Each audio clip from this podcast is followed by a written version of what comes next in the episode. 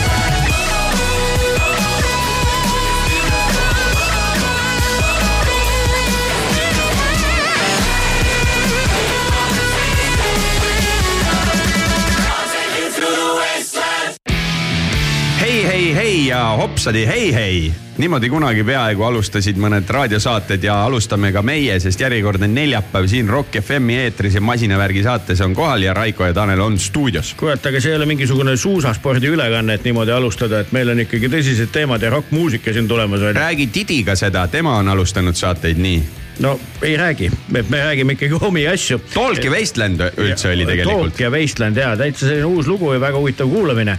aga head mussi on meil siin veel kamalugu tulemas, nagu meil on ka väga häid külalisi siia tegelikult eh, tulemas ikkagi. mängude ööst räägime, Andri tuleb, Ranet räägib uuest Porsche Cayenne'ist, Kevin Pesur äh, räägib, kuidas drifti hooaeg läks ja Lauri Laubre räägib uuest muusikaprojektist. no tegelikult väga-väga, kui kasutada popartist eh, Taukeri väljendit, väga tutske saade on tulemas absoluutselt. kuule, meil on üks väikene võlg üleval eelmisest saatest, sest meil oli sotsiaalmeedias mäng Nissani tõsiste tummiste meeste lõhnaküünaldele. metsik osavõtt. üle, üle, üle kahesaja inimese vastas. Jaa. Neist äh, õigeid vastuseid igale küsimusele tuli üle viiekümne ja kui ma kõik õigesti kokku lugesin, endale tabelisse panin, siis kakskümmend kaheksa inimest olid need, kes vastasid kõigile küsimustele õigesti, nii et palun üks number ühest kahekümne kaheksani, Tanel, nüüd. kakskümmend kaheksa. vaata. Markus Sein no juhuu. Margus Sein, palju õnne, võtame sinuga Instagramis ühendust ja sina oled võitnud selle Nissani komplekti. aga ainult ühel tingimusel, et kui sa need küünlad põlema paned kodus, et eh, siis eh, kas sa filmid või võtad kasvõi ainult audio peale, et, et mis reaktsioonid sellele järgnevad, et see, kui see lõhnaküünal ikkagi hakkab oma tööd tegema, et meid ikkagi huvitab, mitte ainult meid, tervet Eestit huvitab, kuidas ja töötab. Kas me Ja. saame nüüd saatega peale minna või sa tahad veel midagi öelda? ma tahan öelda sihukest asja, et eh, minul ja Lemol ja Indrek Lehel, kellega me kunagi tegime sihukest bändi koos nagu PDÖ, käisid külas ühed sõbrad, kes olid siin viimati eh, tuhande üheksasaja üheksakümne esimese aasta juunikuus ehk siis veel eelmise riigikorra ajal meie nii-öelda sõprusbänd eh, Taani Uudense linnast ja nüüd nad peale kõiki neid aastaid tuli meile uuesti külla. nii et, et, et sellest eh, võib-olla teinekord räägime pikemalt, milline kultuurišokk neid tabas, aga siia kuulame nende auks ja kiituseks ja üldse Taani muusika kiituseks sellist lugu nagu Girl Nation ja esitajaks on DAD. masinavärk.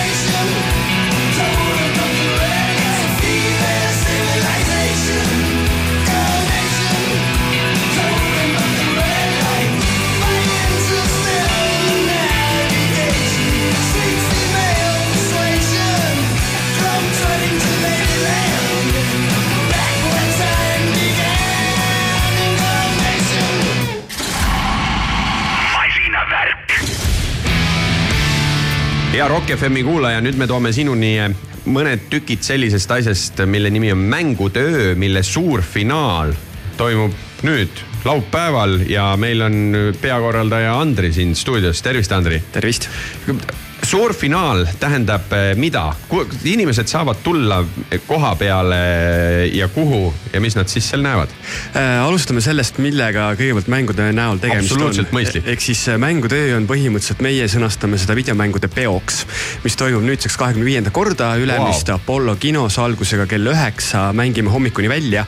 ja isegi siis, kui sa videomängusõber ei ole, võiksid ikkagist kohale tulla, sest et seal on teha ja näha väga-väga palju. aga kui nüüd rääkida suurest finaalist, siis seal kohapeal toimub Gran Turismo seitsme finaal. me oleme nüüdseks augusti keskselt alates Eesti virtuaalsetele kihutajatele pakkunud võimalust ennast näidata, ennast proovile panna ja Eesti kaheksa parimat me toome siis sinna koha peale. anname neile Euronixiga koostöös toolid, roolid ja vaatame siis, kes seal kõige-kõige kiirem on. ehk need eh, sõitjad on seal kinolaval jah. Ja inimesed saavad saalis siis nendele finaalsõitudele kaasa elada. täpselt nii, ehk siis me proovime teha seda nii nagu mujal maailmas suuri e-spordivõistlusi tehakse, et kõikidel on täpselt samad rallikomplektid, tulevad sinna lava ette, saad võitjatele visata patsu ja kui juhuslikult võistluse ajal keegi sind peaks nagu trajalt kõrvale sõitma, siis sa saad talle nagu väikse siukse sõbraliku puuka anda, et ära mulle rohkem nii tee, palun. okei, ühesõnaga kaheksa eh, parimat on nüüd valitud välja, kes võistlema hakkavad ja palju üldse see nagu neid soovijaid oli või, või osales selles? põhimõtteliselt eelkvalifikatsioonis meil võttis viiskümmend võistlejat osa mm, -hmm. seal me selgitasime siis kolmkümmend kiiremat välja, kes me siis samamoodi panime külg külje kõrval ringraja peal sõitma. kvalifikatsioonides me sõitsime Red Bull ringil ähm, Monsal ja Interlagosel ja finaalis siis me paneme nad sõitma spaas Suzukis ja samamoodi Red Bull ringil kui pikk see üks võistlus on? ma mõtlen, kui, inimene nagu jälgib seda, et kui palju see ajaliselt aega võtab äh,? kokku, kuna nad sõidavad need kolm ringi põhimõtteliselt koos kvalifikatsioonidega Ja, ja. järjest, siis kõik kokku on sihuke kaks, kaks pool tundi. no ikka nagu päris võistlus põhimõtteliselt. no jah ja, ainult sellise vahega, et see on mäng ja seda küll jah. okei okay,, ei ma tõesti teadmata asjast mitte midagi, siin räägib inimene, kes pole kunagi mänginud ühtegi siukest no aga siis ongi hea võimalus kohale tulla ja teada saada. absoluutselt, aga vot see viibki, viibki järgmisele küsimusele, et, et mis see siukse nagu hea Eesti siukse e-sportlase niuke demograafiline eh, portree nagu on? Äh, no selles mõttes, et ta vaieldamatult on ikkagist meessoost isik. Tõsi, jah? ja, aga ma ise, ma kasvõi selle Grand Turismo ja teiste võistluste puhul olen näinud, et tegelikult Eesti sellised parimad jäävad vanusesse kakskümmend viis kuni kolmkümmend. ehk siis, et neil on ikkagist nagu piisavalt olnud aega harjutada, aga samas nad ei ole piisavalt vanad, et muud hobid võtaksid kogu selle harjutamise aja ära. et võiks päris autoga sõita. kui nii jah. okei Äh, kui me sellest äh, Grand Turismost veel räägime, siis mina tahaksin kindlasti ära mainida, et need, kes äh, Eestis on vähekenegi Eesti Virtuaalautospordi Liidu äh, sõitusid jälginud, millel on ka väga head äh, ülekanded Youtube'is samamoodi tasuta vaadatavad, siis äh, sealt juba tuttav hääl Ardo Algpeus on üks mm, -hmm. kes seda finaali kommenteerib. Aga nagu mul meeldib oma ühte head sõpra erinevates asjades proovile panna, siis kaaskommentaatoriks tuleb äh, Martin Rump. Martin saab siis oma esimesed ristsed äh, kommentaatorina kätte, et me teda juba oleme ju kasutanud otseülekandes äh, saatejuhina, et nüüd saab siis sõitu ka kommenteerida, mis ongi lahe. Martinil oli just spa ringrajal võidusõit ja siis nädal hiljem see turniir seal äh, hakkab ka spaast peale, nii et ta saab seda nagu päriselu ja äh, virtuaalmängu väga hästi siduda. ma korra küsin mängutöö kohta veel, et eh, ma saan aru, et siis see kaks pool tundi on siis ühes kinosaalis ekraanil saad seda nagu jälgida, aga kas siis nagu samal ajal toimub nagu samaaegselt veel, veel muudes saalides mingeid värke ja meil ongi põhimõtteliselt terve Ülemiste Apollo kino meie mm -hmm. käsutuses kõikide kahe korruse, kõikide kuue kinosaaliga. peasaalis meil toimub Counter Strike'i Eesti ja Soome maavõistlus, kus siis Eesti esindaja kohtub Soome esindajaga ja loodetavasti väljub sealt võidukalt. aga samas meil on väga palju muud tegevust, meil on Mortal Combati turniir, meil on uue e-jalgpalliturniir, meil on väga palju muusikalisi esinemisi, meil on cosplay võistlus, meil on wrestling. ehk siis, et öö täis väga mängulist meeleolutust. muuseas, kuna me oleme raadios ja muusikast peab rääkima, siis äh, videomängu muusika viktoriin toimub ka. seda silmasin ka. see on muidugi jah, samas ma ei tea, kui mängid, siis peaks ju olema ju lihtne või ei või? et eh, tead ju küll neid aga kui, kui täpselt seal küsitakse, täitsa uudishimu küsimus, et noh, lihtsalt, et mis mängumuss on või? ei, seal on niimoodi, et põhimõtteliselt küsimuse vihje seisneb selles muusikapalas, mida siis see live-bänd hakkab esitama. muuseas, seal on live-bänd, Aleksander Ivanov, Mört, Mihkel Rebane, Kannapi Nõid ja Kristjan-Peeter Vallikivi Estonerist ehk siis kitarr, trummid, bassikitarr mängivad sulle. päris kurjadest bändidest on kutid. Need lood, ma olen kõiki neid lugusid laivis kuulnud, mida nad seal mängima hakkavad ja see juba omaette maksab selleks ajaks sinna saali koha peale tulla. no väga äge, aga jah, aga milles selline nagu eh, ikkagi selline nagu öine, öine vöönd, et mi- mis seda nagu tingib, et ühesõnaga, et enne üheksat, enne kahtekümmend ühte null nulli üks endast lugupidav geimer põhimõtteliselt isegi ei mõtle selle peale, et mängima hakata või? Eh, kindlasti mõtleb, aga kuidagi mängutöö see on noh, kuna me oleme korraldanud seda üritust kakskümmend viis korda viimased kaksteist, kolmteist aastat, siis see on lihtsalt välja kujunenud kuidagi selliseks, et äh, täisealised inimesed, kuna üritusel on väga konkreetne vanusepiirang mm, -hmm. tulevad kokku,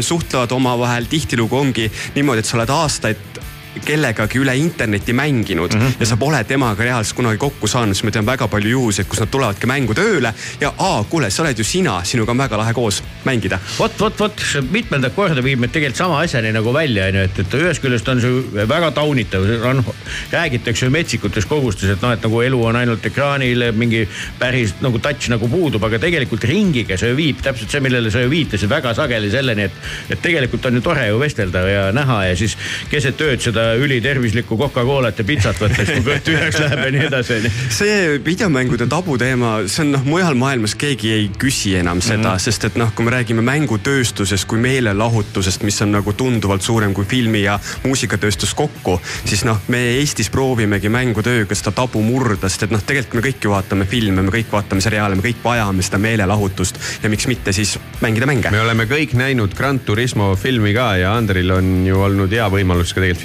filmitegijatega kohtuda. ja ma käisin äh, Ungaris äh, filmitegijatega kokku saamas, meile tehti nendesamade Nissan, Nissan GTR kolme masinatega seal raja peal kiiremaid ringe äh,. filmi kontekstis küll see ei olnud Ungari ring, vaid oli Le Mans, aga, aga väga-väga lahe kogemus oli ja saada nii-öelda seda emotsiooni kätte, mida siis mängus tulnud sõitja päriselus hakkab tundma kuule, mõned päevad on sündmuseni aega, kas, kas, kas sinna sündmus, saab veel nagu tulla ka või? Ikka saab, ikka saab, jah jaa. et, maja ju kummist ei ole teadupoolest ju. no me ise loodame, et seekord me ajame ta suhteliselt kummi, aga kui äh, tahad äh, piletit, siis äh, kas äh, mangutoo.ee või Apollo kinos saab piletit hankida mm, aga jah, palve on see, et äh, ole vähemalt kuusteist aastat vana, siis sa saad seda üritust nautida. ja sa ütlesid, et öö läbi, mis siis nagu päriselt tähendab, et millal, millal siis Apollo eh, tavapärasesse rütmi läheb oma kinoldusega? pühapäeva hommikul tõsi jah, kaksteist tundi ei, selles mõttes, et me ikkagist äh, lõpetame üritusega umbes kella nelja-viie paiku hommikul ära ja siis äh, meie proovime nii-öelda kino sellises korras üle anda, nagu me ta kätte saime. no miks ei peaks, viisakad inimesed ju. täpselt, täpselt. noh, kuule, üks neli on ju lebo ju. muuseas ta, ta, Tanel, vaata, vaata mul see särk ei ole seljas ka ilma põhjuseta. nii, oota, vaatan. sul särk seljas, mul on särk seljas täna. Raiko on täna särgiga. sellepärast, et äh, Grand Turismo turniirile pani siis äh, Reval autoesindused ja Audi Tallinn õla alla ja seal finaalis äh, kõik kihutavad Audi R8-tega ja RS5-ga Vaha, kihutavad. sõidavad RS5-ga Ja-. no vot, kvalifikatsioonis oli R8 ja siis me tahtsime, et äh, neil nii-öelda päris finaalis oleks natuke raskem. Selge pilt, vot ma ei olnudki kõigega kursis, ei ole kõike infot läbi lugenud. maru äge tundub see kõik kokku. no vot, kuule, aga selge, loodame siis ikkagi väga-väga rohkearvulist osavõttu ja et ikkagi me saaks siis järgmises saates öelda, kes on Eesti kõige vingem Grand Turismo käpp, eks ole, kellel siis võib-olla läheb sama hästi nagu seal filmis sellel tüübil. Jan Mandeborol. jah, et eh, siin eh, noh, meil on ju täna võidusõidu teemalisi asju küll, võib-olla näemegi mingi päris näiteks pesuretiimi uut sõitjat, kes tuli otse konsooli tagant. okei okay,, väga lahe, kuule igal juhul eh, no ma ei tea, mida, mida korraldajale peab ütlema, mis, mis veel tegemata on, et eh, üritus on veel tegemata no seda küll, aga mõtle, kas ettevalmistused on nii, et magad rahulikult ja kõik on ei, hästi. ei maga Ei maga, rahulikult, aga noh, selles mõttes, et õnneks ma olen seda piisavalt palju teinud, aga mis mul sihukeste ürituste puhul äh, meeldib, ongi see, et see adrenaliinilaks, mis korraldajana ise sa sellest saad. praegu ei saa aru veel üldse. no kui sa tuled laupäeva kohale, siis näed no vot, kuule, aga väga-väga äge, igal juhul jõudu ja jaksu ja loodame, et tuleb väga vinge sündmus ja pileteid ei saa. ja ära, ja ära, te, ära tee nii nagu järgmise loo pealkiri, mille nimi on Losing my head ja Ei, Neon no, neid, trees. Neid vendi seal öösel on kindlasti kõvasti, kellel tead ikka lappama läheb, onju. nii et kuulame. jaa.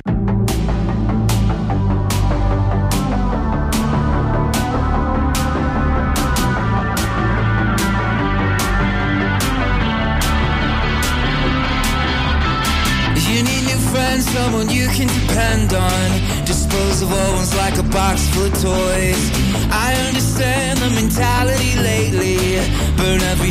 The ground, it wasn't for us. My greatest trend is how much I adored you. A consequence for a lifetime of fear. When half of everything is something uncomfortable, you learn to understand why everything's here. I'm out on the edge, almost good. Remember the last time I felt this good. The more I know what heaven's like, the more I'm chasing hell tonight. High water, swim harder. I guess I'm trying to catch a wave. I'm out on the edge, seeing red. I guess I found my way back by losing my head.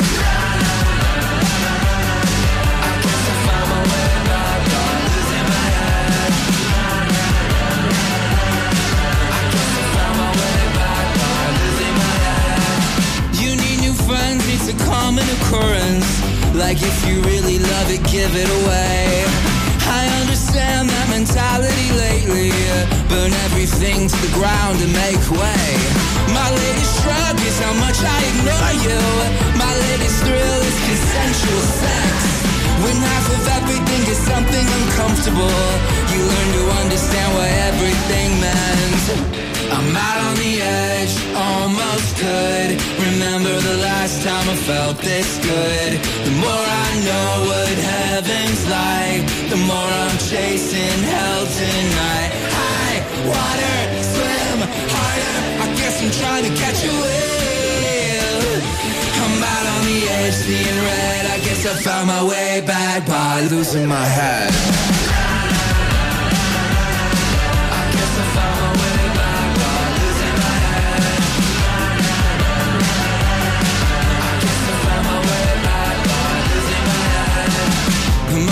Culture is a common regret.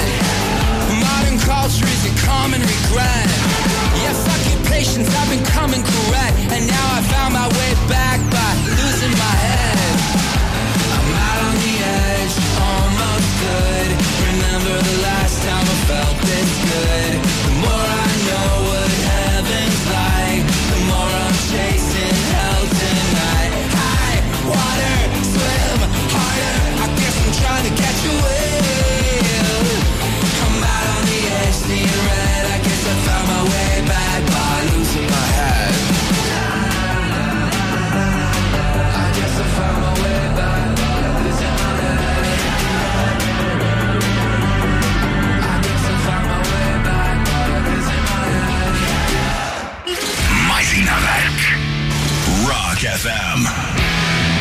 Head masinavärgi kuulajad, Neon Trees mängis meile lugu Losing my head ja kõikidel on võimalik oma pea ära kaotada või kuskil mujal kui mängutööl laupäeval, sõltumata vanusest, orientatsioonist, soost ja millest iganes. seal saab ju cosplay kostüümiga kohale tulla, keegi ei teagi, kes, kes seal lõpuks on, oled sa robot või mõni multifilmi tegelane. kuule, aga eh, sellised elektrist laetud teemadel me ka jätkame, et eh, sul oli, ma saan aru, et siis kas kolmas kord eh, võimalus käia ABB poolt eh, initsieeritud elektriautode päeval? ja ABB on teinud siis äh, nüüd järjepanu, nad on kaks esimest aastat tegid seda seal oma hoovi peal Jüris ja seekord see oli, formaat oli teistsugune see toimus kruiisiterminalis ja algselt nad tegelikult ise ei planeerinud üldse seda ühte osa sinna päevast juurde, mis varasemalt oli väga populaarne.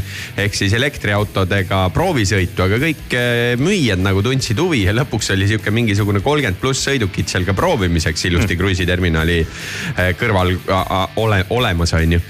aga seminaril kohal päeva jooksul käis üle kahesaja inimese, modereerisin seda. Väga palju erinevaid eh, teemasid said eh, läbi lahatud, et mulle meeldis eh, nende kommunikatsioonijuht Sven Sommer tõi jumala hea näite sellest, et ta võttis lava peal taskust välja, inimesed, teate, mis see on? ja näitas kõige esimest iPhone'i, küsis, teate, millal see välja tuli? noh, mõni inimene teadis, kaks tuhat viis. Seitse okei okay., aga et äh, ta tõigi näite, et sellesama lühikese aja jooksul, et noh, kahe tuhande seitsmest on saanud see, mis mul siin täna taskus on, et kuhu on tehnoloogia arenenud. Ja täpselt samamoodi elektrimo-, elektromobiilsus äh, areneb. ma olen ise nüüd tänu ühtedele teistele sündmustele väga palju Audi elektriautoga saanud äh, järjest äh, sõita ja, ja tuleb tunnistada, et nii nagu mulle kogu aeg on elektriautod meeldinud, siis see teema mind kõnetab. see on äh, põnev ja, ja see päev kätkes ka endas väga palju erinevaid asju, et näiteks äh, kuidas äh, elektri laadimisest kasu lõigata, millised makselahendused tulevikus äh, saavad olema, milline see laadimise tulevik, näiteks kas sa tead, et tegelikkuses on võimalik tekitada selline olukord, et äh, ütleme, et sa oled siis äh, noh, ma ei tea, oled Alexela klient, on ju ja sinu äh, täna, täna sa oled see klient sedasi, et sul on mingi äpp ja sul on seal makselahendus ja siis sa pead midagi viipama. tulevikus on sul see võimalus, et ja, ja mis on nagu olnud ju siiani probleemiks, et ah, ma ei tea, see laadimise alustamine, siis mul peab kiip olema ja siis mul peab äpp olema. reaalsuses sa registreerid oma auto oma sinna süsteemi, lähed laadija juurde, laadija ühendad autosse laadija tunneb ära, et see on see, selle VIN koodiga sõiduk ja alustab äh, kohe laadimist, ilma et sa peaksid midagi tegema. ehk et äh, me läheme sinna tagasi nagu kunagi oli, et kõigepealt äh, tankisid ja siis läksid maksid ja nüüd sul ei ole enam vaja isegi minna sinna nii-öelda tanklasse sisse, vaid laed ära raha võetakse ära, mitte mingit äppi asja pole ja see on nagu lähitulevik. siis muidugi ka natukene, vaat üks huvitav teema, mis seal oli, mis on vaata hästi palju meediast läbi käinud kogu aeg, mõni elektriauto läheb põlema. Mis on? kõik pasundavad, oi kui ohtlik, lähevad põlema. kas sa tead, et statistiliselt on Tanel tegelikult nii, et sisepõlemismootoriga autod äh, süttivad palju tihedamini? ja selle statistikaga ma olen kursis küll, sest et see tuligi tegelikult äh, po läbi politsei pressiesindaja muideks, kes tõigi nagu need nagu juhtumid sajale ja tuhandele nagu välja, noh selge päev on ju. aga noh, seal on natuke ka see, et jälle, mis seda statistikat nagu ju noh, nagu iga statistika on see, mis pidi vaadata, on ju. et selge see, et sisepõlemismootoritega sarnaste õnnetuste hulk on ju koguarvus suurem, on ju. aga noh, need autod reeglina on ka jõle palju vanemad, et noh, millega need juhtuvad, et see on nagu teine Tõsi, statistika tõsi, pool et eh, elektriautode puhul me räägime valdavalt tehnoloogilisest mingisugusest eh, kõrvalekaldest. no ja teistel on pigem ikkagi vanusest tingitud mingisugune noh, lühis nii-öelda kõige. aga Päästeameti esindaja Ivar Frantsuzov äh, rääkis siis Päästeameti sihukestest tähelepanekutest ja soovitustest, et äh, kuidas ja mismoodi peaks äh, käituma igasuguste asjade puhul ja nii edasi ja nii edasi. kas elektriautod sobivad Tallinna linnaruumi, kuhu Tallinna linn kavatseb äh, areneda, muuseas, mis linna esindajad välja tõid. Nad väga panustavad sellesse, et nemad annavad taristu loojatele oma kommunaalmaade peal võimalust seda, et leiavad lahenduse, et laadjaid saaks paigaldada. ehk mm -hmm. nad ei võitle mitte mingil puhul vastu, vaid nad tahavad, et see linnaruum läheks nii-öelda elektrisõidukite mugavamaks ja, ja, ja puhtamaks. ühena vähestest asjadest, see on üks, üks selline väide, mida ma isegi nagu usun nagu päriselt nagu linnakodanikuna onju. et eh, paljude asjade puhul sa ju saad aru, et sellel lubadusel noh, katet ei pruugi olla, et teeme viisteist tuhat lasteaiakohta juurde nagu nipsust onju, et noh, seda ju ei juhtu, seda me teame. aga ma arvan, et see, see on tegelikult neile isegi nagu täitsa nagu jõukohane. et eh, ja nagu päriselt, et see asi sinnapoole võiks ju minna, sest vaata näiteid eh, Euroopas isegi noh ma ei tea, eel, meil on sellest ka nagu juttu olnud, näiteks võta nagu väga suure linna, näiteks Pariisi on ju. no seal on need lahendused olemas, kus põhimõtteliselt täiesti olematule pinnale suudetakse panna need laadijad on ju noh. kui mõelda Pariisi parkimise Muidugi, peale, noh. Tallinn on ju mingi täielik pühapäevakool selle kõrval, eks ole, et noh, kus laiuta kuidas tahad, eks ole, nii et. et tegelikult need lahendid on nagu olemas, et ei pea jalgratast leiutama ja, ja ma usun, et Tallinna saaks tegelikult oma väiksuses muuta väga-väga nagu toimivaks linnaks, teistest linnadest rääkimata Eestis. mis to, tuletabki ju meelde näiteks, et eh, meil eh, hea saatekülaline, kes ju rääkis Viljandist ja, ja, ja, ja, ja ütleme maakondlikust eh, asjast, kus noh, elektriauto ei ole mingi teema. sel põhjusel, et sul polegi teda kuskil laadida, et noh, pigem no jah, võiks seda või isegi mitte Tallinna käsitleda, tervet Eestit on ju, et aga kaks asja, mida veel puudutati, oli see, et äh, jällegi küsimus, mis kõigil on mureks, et nüüd homme kõik on elektriautodega, kas meie võrk peab vastu. Elektrilevi esindaja seletas selle lihtsasti lahti, kuidas ka see võrk kaasa areneb, on ju. ja siis äh, ka veel SEB pangast Rein Karofelt äh, rääkis finantseerimisest ja sellest, et kas elektriauto on taskukohane, sest räägitakse, et nad on kallid, aga samas liisingud näiteks soosivad seda elektrisõiduki, leiavad paremaid lahendusi, aga päev lõppes paneeldiskussiooniga ja nüüd ma seoksin ära selle järgmise kohaga, et kui see paneeldiskussioon oli, et kus tahame olla aastal kaks tuhat kolmkümmend ja kuidas sinna jõuda, siis tegelikult sarnasel teemal äh, minu jutuajamine ju jätkus äh, laupäeval. no sa oled jah sihuke sari modereerija meil, et, et oligi siis äh, masinavärgi poolt juhitud paneel, kus sellisel sündmusel nagu positron, millest me paaril viimasel saatel oleme ka pikemalt peatunud, et kus istusid nii-öelda kuumadel toolidel Arno Sillat ja Maarja Kadastik, keda siis Raiko küsitles. ma ise kahjuks sain väga vähe kuulata seda paneeli, aga, aga tundus, et läks nagu põnevat rada pidi. kuidas sa selle kokku võtad, selle moderatsiooni? ma võtan selle kokku niimoodi, et me jõudsime muidugi lahenduseni, et selle perioodiga, nii nagu ka seal ABB päeval, et äh, autodel on endiselt rattad all ja me sõidame mööda maad. aga äh, me ei saanud nagu seda me, mehed ei hakanud äh, nihukest wrestling ut tegema, et mõnes mõistes oli äh, Arno ja mis mõnes mõistes, väga mitmeski mõttes olid Arnol ja Mariol ühed samad äh, ideed, sellepärast et äh, Arno tegelikult kasutab päris palju ühistransporti. tal on mingid vajadused miks tal näiteks on G-klassi Mercedes ja diisel, sest et turbas talvel on natuke keerulisem selle Momu muuseumi manageerimine, kui sa noh, iga asi ei sobi selleks, on ju. ja Mario siis paadunud elektriauto mehena ja teadlasena ju tegelikult, füüsikuna seletas nii mõnedki asjad lahti, et äh, miks see elektriauto ja, ja milline võib olla tulemus, tulevik. aga mis mulle meeldis tegelikult kogu selle positroni äh, päeva ja selle asja juures. noored inimesed olid kohal, noored kuulasid meid ja saad aru, mis küsimusi esitati no üks poiss hakkab seletama seda, et oota, mis asja, et mis vesinik, et vesinik on ja siis seletab vesiniku omadusi ja asju ja miks tema arvab, et see ei ole üldse hea asi nii-öelda transpordilahendusteks. Mario siis äh, haritud inimesena äh, seletaski vastu, kuidas jah, seda tuleb äh, panna nii-öelda survestada ja panna nendesse paakidesse ja eh, kui vaadata nii-öelda aku eh, tihedust, siis eh, on nagu see elektrisõidundus mõistlikum. ja tegelikult küsiti ka ühistranspordi kohta meie käest ja jõuti ka selleni, et reaalsuses on ka lennunduses võimalik ikkagi mingitele elektrilahendustele üle minna väga huvitav ja Positonil mul õnnestus kuulata ühte nagu episoodiliselt ühte sõnavõttu, aga teist tervenisti, kus rääkis selline mees nagu Martin Pankratov, kes ja. tänaseks töötab McLarenis. ja ma ei tea, kas sa, sul juhtus, oli võimalus? ei, ma ei kuulnud seda, mul väga okay., see oli nii laupäeva hommikul vara, et no,. Lihtsalt... üliinspireeriv jutt, kuidas tegelikult noh, lihtsast nii-öelda Viimsi keskkooli kutist on ju, on saanud tippautofirma väga-väga olulisel positsioonil töötav insener. ja kõik, mis sinna vahepeale jäi ja, ja ütleme kaitseväes, kui noh, ütleme keeruliste soomukite remont ja kuidas sealt omakorda kohe tõmmati mees Milremisse ära ja nii edasi, nii edasi, et, et ikkagi, et õnn on oma kätes selle mehe näite vahel ja väga inspireeriv, väga-väga huvitav jutt, mulle väga meeldis ja pluss ta siis nagu puudutas kahe sõnaga seda, et, et mis see nagu see safety engineer noh, noh esimese hooga võib-olla tundub, et, et turvavöö ja, ja, ja, ja eks ole, pauguga lahti minev padi, aga ei midagi sellist, et, et täpselt, et kuidas ma ei tea millal auto tegelikult juhtimise üle võtab ja muud taolised huvitavad teemad. Ja, ja teine huvitav jutt oli tõesti, et kui roheline on elektriauto, mis noh, meie saatesse ka passiks teema vägagi ja, ja kutsusin sellise mehe nagu Eesti Energia tiipaka Ahluvalia ka meile saatesse külla, loodetavasti eh, on ta siin mõni päev kohal meile kõigest sellest rääkimast. Ja ma arvan, et, et seal ABB kontaktide varat me saame oma saatesse ka väga põnevaid rääkijaid kutsuda. ja ma tahaks veel mõne sõnaga, ma tahaks seda Positroni asja kiita, sellepärast et kui ma laupäeval, ma võtsin omal kõik lapsed kaasa, nii nagu ma ütlesin, kõige noorem kohe üheksa saamas, poisid kolmteist, neliteist on ju.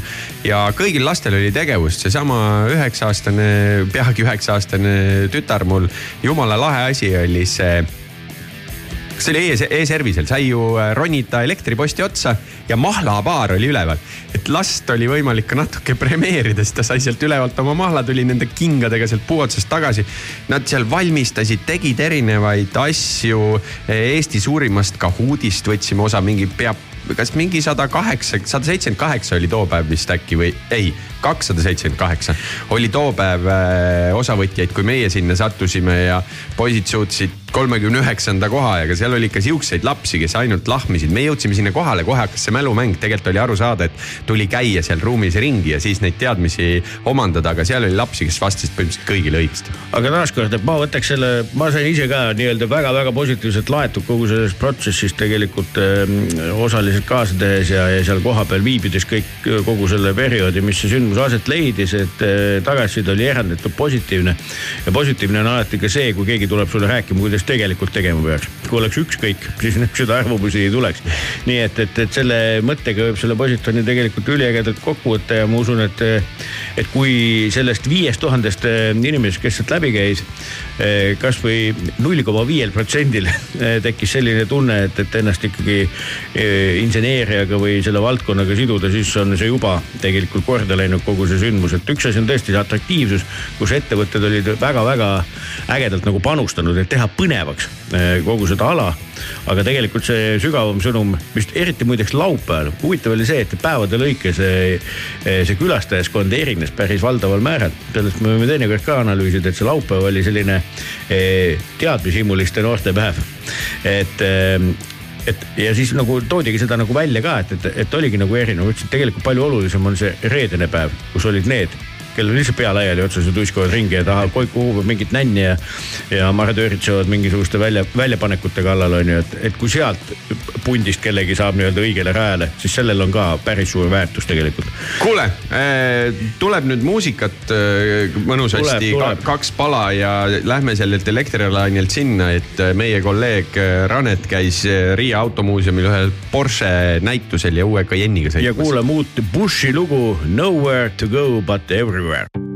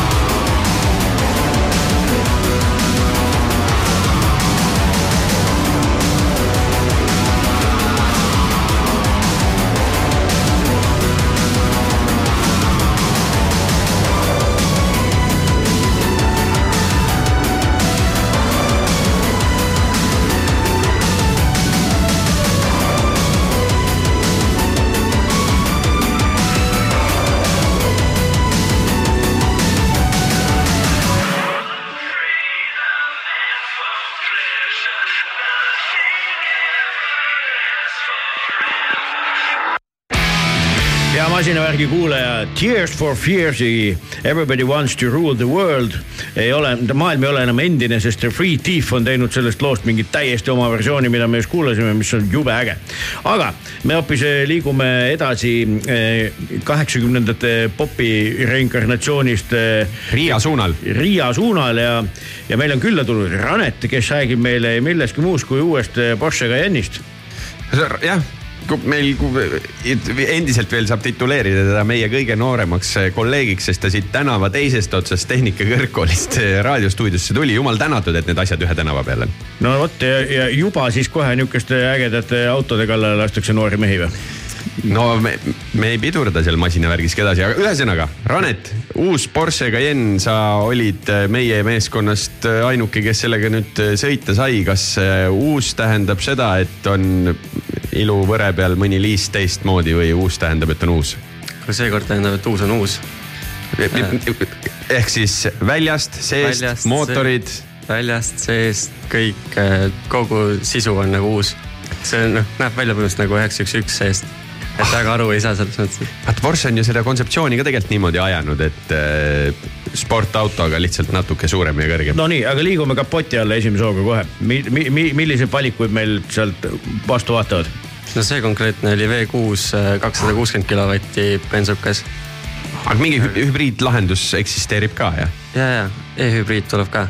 aga see tuleb hiljem, nagu ma aru saan, sest hetkel veel väljas kui vaadata Porsche konfiguraatorit, siis äh, seda uut mudelit veel ei ole okei okay,, V6 bensiin, äh, hübriidlahend juurde, kõik loogiline. mis valikud veel on? põhimõtteliselt ongi V6-d ja ma ei mäleta, kas need V8-t oli mm, -hmm. aga GT versiooni sellest ei tule. aga mingi sihuke Audi mootoriga diisel, see on ka eilne päev või? jaa. jaa Porsche läheb jah oma diislitest nüüd eemale. Selge, et aga, aga mingi diiselvalik kogu Porsche range'i üldse ei ole olemas enam jah? milleks? ei no mis milleks, no praegu peaks mingi hea selle hea mootoriga auto. sa oled hiljaks jäänud eh,. eelmise toi... generatsiooniga Jenny oleks pidanud ostma siis. ei no neid ju veel on, on, on veel... võimalik. ei no nagu selles mõttes eelmise, et sellest veel eelmise. kui sa tahad, kui sa tahad ühte väga head autot, lihtsalt võta see e-hübriid saad sellega linna vahel sõita ilusti elektriga ja siis lähed kuhugi Riiga sõidad, siis sõidadki bensuga ära. okei okay,, kuule, aga mis on siis, sa ütlesid, et kõik on muutunud, et istud sisse, arvad, et oled üheksa, ühes, ühes. Et eh, mis on veel muutunud, mis innovatsioone me näeme? kuule, esituled on äh, hästi ägedad. kolmkümmend kaks tuhat pikslit on ühes tules juba, nii et üle kuuekümne nelja tuhande piksli on kokku nii et äh, see auto suudab nagu ideaalselt välja select ida, et kui vastu tuleb auto, ta suudab selle nagu ära siis, kuidas ma ütlen, blokkida. ja kõik ülejäänud tee on sinu jaoks valge. mõtle, kui kunagi need Matrix tuled tulid, seal oli mingi paar kuubikut, mis kustusid ja süttisid mm. -hmm. täna räägime mingist ühest tulest kolmekümne kahest tuhandest pikslist. no täitsa palju saab pilgutada. jah tehniliselt saad videomängu mängida selle. jaa, muidugi saab no ongi, see olekski eriti hea, et, et paned konsooli selle laterna külge niimoodi, siis mängid seal auto ees. Tetrist. Tetrist jah, okei okay,, nii, tuled on korras, mootor tundub, et on ka hea, sisu on hea, mis veel? kuule, mis siin ka Ennil ikka selles mõttes, et äh, sisu on uus, välimus on uus. vedrustus? vedrustus minu teada ei ole nagu midagi sihukest uut erilist. ma tean, et see on muudetud aga otseselt sihukest headline feature'it nagu ei ole. sest äh, vanal oli ju kaks erinevat varianti tegelikult vedustust, eks ole. õhkvedru on ikka, selles okay. mõttes üles-alla ta käib, off-road asendis on tõesti väga kõrge auto mm. -hmm ja siis paned ökonoomsesse, siis ta on siis madal. ega pakiruumi suuruse kallale pole mindud? ei. mahub asju? seitsesada seitsekümmend liitrit. oo, see on ikka. sinna paned ikka kärusi mitu no kärud, kärudeks peaasi, et baskit ära mahub, see on ju alati kõige. sul need käru, sul kärumehed sõidavad juba ise. kuule, ma jah või kärumeesteks võiks need saada, kellele kunagi elu sai antud, on ju. aga ilmselt sinna läheb aega. aga kirjelda tegelikult korra seda, et äh, Riiga ja tagasi mingisugune kuussada pluss kilomeetrit, et oli nagu mugav sõita, oli hea sõita, häiris mingi koha pealt, ma ei tea, jalg suri ära, sest et näed, siit konsool surub põlve vastu või? ei, ei, ideaalne selles mõttes ikka luksauto, väga mugav sõita kuskilt valutama ei hakka. ainuke asi, mis mind võib-olla natukene häirib, on see, et puutepaneele on jube palju ja sõrmehaljed jäävad peale. aga selle jaoks on Porsche ka kaasa andnud selle. oma logoga lapi. okei okay,, oma logoga lapp, aga ma saan aru, et ongi puutetundlik, et siukseid nagu, niisuguseid mõnusaid nuppe nagu tegelikult, mis Porsche'l nagu on ju erinevatel mudelitel olnud, et neid me seal nagu ei näe väga või? No rooli peal on. Okei, ja seegi. kuid muidu keskkonsool on põhiliselt ikkagi äh, puutepaneeliga. töötab ta ilusti, mõnus, ta annab seda Väga hapti, ilu- haptilist tagasisidet ka onju. selles mõttes ta tund- tundub nagu sa vajutaksid ikkagi päris nuppu, aa, okei, okei. lihtsalt sõrmejälg jääb pähe. noh, see on sihuke esteetiline eh, esimese Eesti probleem ma. pean selle ka ära küsima, mida Porsche puhul nagu tegelikult ei ole mõtet küsida. Palju maksab? kütuse, kütusekulu ma tahtsin okei. teada, see Riia sõidule. Kuule ikka alla kümne, aga sinna sisse nagu läks ka siis äh, Tallinna kesklinn ja Riia kesklinna ummikud ja kõik, kõik, kõik. ühe paagitäiega sai selle sõidu tehtud. oh lõtva, meil jäi veel isegi veerand paaki alles. mis te sellega veel tegite? oleks võinud kuhugi minna onju. mingi Türi otsa ka tõmmata sinna jahutuseks. okei okay., kuule, aga Riias juhtus sul veel asju, millest me kohe kuulame pe- peale sellist eh, ikkagi Eesti muusika vundamentlugu, mis kannab pealkirja Riia mu arm ja esitajaks on ei keegi muu kui vennaskond, et siit ta tuleb. masinavärk, masinavärk.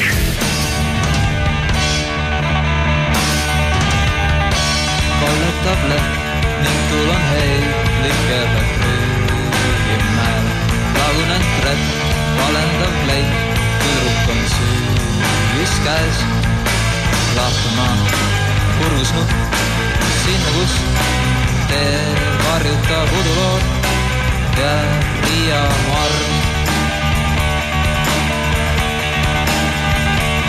revolutsioon on Läti ning Liivimaa pealinn. See prostitutsioon ja pätid ning siiski on pealinn. See lahkumaa purgus nutt sinna, kus tee varjutab uduloon ja Riia marm. kuulenud ropp, okupatsioon, üdini on sees portvein ja kopp, kohvikus joon, sillerdav klaas on ees. lahkuma purgus nutt sinna, kus tee varjutab uduloon ja Riia marm.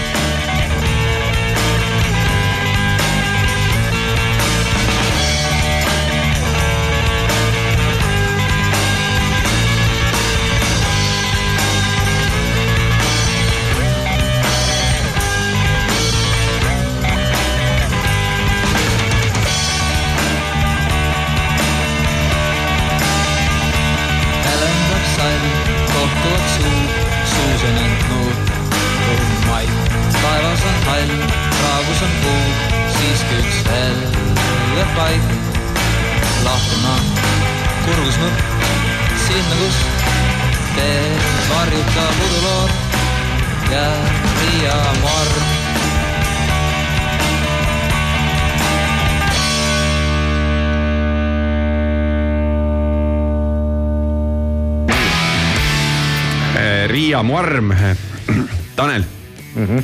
sa üldse tead, miks Ranet tegelikult eh, Riiga sõitis või? sest ta on Läti pruut. ei ole, ei Okei. ole. aga võiks. võiks olla, onju. lahked, toredad, ilusad, tähelepanelikud ja neile meeldivad eh, Saksamaal valmistatud autod. tegelikkuses räägi. tegelikkuses oli eh, lugu ainult äh, palju olulisem ja veel rohkem Porschega seotud, sellepärast et Porsches on töötanud peadisaineri koha peal lätlane mm. -hmm. ja Ranet saab lähemalt rääkida sellest eh, mehest ja sellest teemast, aga erinäitus avati, mis nüüd, kui kaua see näitus veel seal avatud on, see oli ka ju mingi oktoobri keskele. just mõni nädal ainult on ja sinna on kohale toodud väga erilised äh, Porsched ja nüüd vot on küll see koht, kus äh, võtame noorema mehe appi, sellepärast et La, Lapina, Lapins. Anatole Lapinš. Anatole Lapins. või noh, Anatola Lapinš, seda tegelikult äh, seal on umbes kaheksa erinevat viisi, kuidas selle venna nime hääldada. sõpradel lihtsalt lapinš, kõik ju teavad jah, tegelikult vist oli mehega oli ka niimoodi, et olenes, et kus riigis ja kuidas ta töötas, siis see nimi natuke varieerus ja muutus. teda kutsuti Tony'ks. Aa, noh, muidugi. see oli kõige lihtsam versioon, kuidas ta absoluutselt, nii nagu kõikide Tõnudega Eestist juhtub. nii, ja Tony oli siis nagu täitsa nagu ägedalt käe külge pannud nendele autodele, mida sa nägid ju. Ja tema disainis kakskümmend aastat järjest siis. ja alates kuuskümmend üheksa aastast siis äh, hakkas ta siis Porsche's tööle.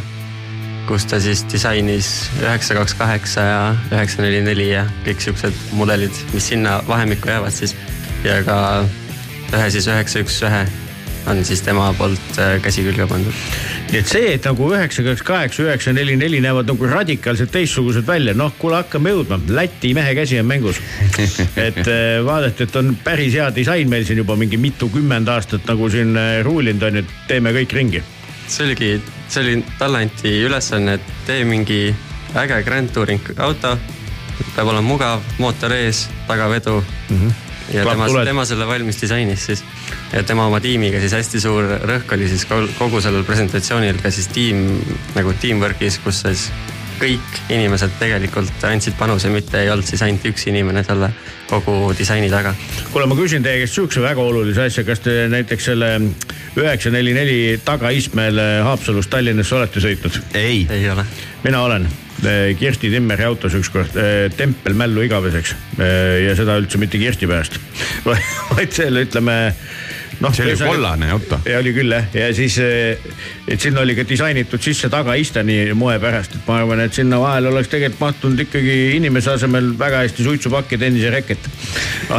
aga, aga noh, see selleks, et ei, ei ole sihuke tagaistumise äh, auto ühesõnaga. aga mida põnevat sa veel nägid Riias? mina tahaks hoopis just sellesama näituse kohta kõigepealt, et kas see ka nagu selgus, et kuidas üks Läti mees sattus Porschesse disaineriks? No ma räägikski sulle, kust ta üldse algas. ta põhimõtteliselt äh, kunagi hakkas sõda ammu, ammu. ta läks oma vanematega, läks Poola. Poolast põgenesid siis äh, Saksamaale ja Saksamaalt siis, kuna kutt ise oli nagu nii hakkaja inimene, et sihuke nipernaadi hingega, et äh, tema pidi alati ringi reisima, siis tema kolis äh, USA-sse. USA-s ta hakkas äh, GM-is siis töötama, tegi Opelitele ja mis seal on need Cadillac'idele siis äh, istme turvavöönid otsasi.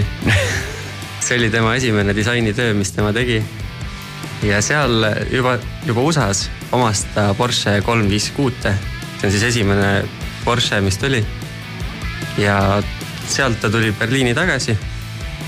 Berliinis siis äh, sai Porschesse ja Porsches siis läks, läks siis kohe chief of disainer. ma tean, millega ta silma jäi, et eh, Saksa on vaata sihuke õllemaa onju. ja siis nad vaatasid, et kuule mees teeb nii ägedaid neid turvavöö otsi, millega saab õllepudeleid lahti teha, et selle mehe peaks küll tööle võtma, kõva disainer. no hakkab jõudma, ütlen, asjad on seotud. nii ja edasi. no ja siis ta alustaski oma selle, ma ei mäletagi, kas üheksa, kaks, neli või üheksa, kaks, kaheksa, kumb neist see enne tuli. igatahes see oli tema siis esimene auto, millega ta tegele-, tegelema hakkas. Ja põhiline asi, millele see kogu muuseum siis äh, rõhku pani, oli siis äh, üheksa, üks, seitse, mis on siis Le Mansilt äh, tuttav auto. kutsutakse siis roosaks põrsaks.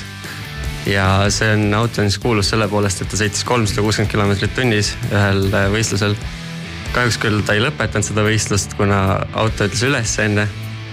aga jah, disain on tema poolt tehtud ja väliselt on siis ka, ta on roosa, tal on siuksed lõikemärgid on peal, kus kohas siis nagu sea erinevad tükid, kus saab kotletti, kus saab seakaelakarbanaadi, et nii nagu Tartus on seal turuhoone ees, vaata. Mm, on samamoodi seaskulptuur jutid on peale lõigatud, et siis äh, sai sellele Porsche. ma võin öelda, et see oli seitsmekümnendate algus ja äh, konkreetne küll see roosa põrsas ei võitnud, aga tol aastal siiski Porsche esimesed kaks äh, kohta üheksa, üheteistkümnetega küll siis mitte Porsche ametlik enda, enda tiim, aga Porschedega võideti ikkagi Le Mans tollel aastal. ja see oli siis kõige laiem auto ka tollel võistlusel.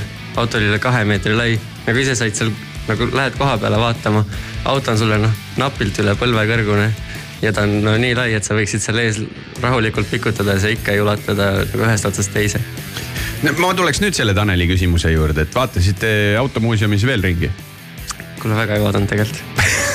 Porsche röövis kogu teie tähelepanu, aga ikkagi Pikernik, see vana hea Pikerniki ringraja kõrval olev Riia automuuseum. Kui kaua see Porsche näitus seal lahti on? et mingi oktoobri keskpaigani. aa, ikka jõuaks veel ära käia, okei, okei. Igal juhul see on ju äge koht, kuhu minna niigi ju Riias, vaat isegi siis, kui Porsche näitust ei ole, et see on ju väga-väga vinge muuseum. isegi samal ajal, kui see avati, see näitus, siis samal ajal siis Porsche'd sõitsid ka siis seal taga ringrajal, sai neid vaadata. olid GT3 jah, sest et seal on, muuseumis on ju otsevaade ringrajale läbi. just, just. kuule, aga olen siia valinud nüüd ühe, siis kui veel Porsche üheksa kahe, kahekümne neljad olid iga noormehe märg unistus seda autot kunagi omada, onju, kaheksakümne neljanda aasta loo siia. ja bändiks on ikkagi vana hea Kiss ja looks Heavens on fire, aga see on ka suure põhjusega. et eh, loomulikult siin ühe mehe lemmikaasta on kaheksakümmend neli, aga Kiss oli muideks eh, eh, septembrikuu on muideks statistiliselt eh, olnud väga edukas muusika väljaandmise kuu. see on statistiliselt ära tõestatud, üks edukamaid on, kui sa tahad midagi reliisida, siis septembrikuu albumitel, vanasti käis kõik ümber albumite, et oli album, albumi väljaandmiseks oli september ülihea aeg. ilmselt said oma jõulumüügid ilusti promotud ja nii edasi. ja Kiss oli üks eh, heavy ja metallibändidest kaheksakümne neljandal aastal septembris ilmunud plaatidest eh, peale David Bowie't, Survivorit ja Iron Maidenit ja Dokkenit oli nendega täielikus topis. nii et ühesõnaga, et siit see kaheksakümne neljanda aasta septembri link siis, et siis kui neid ägedaid Porsche'id tehti. mina võtan nüüd igaks juhuks kõrvaklapid peast ära, kui Kissi mängima hakkame, sest muidu äkki Gene Simmons ajab keele kõrva. tohoh, masinavärk,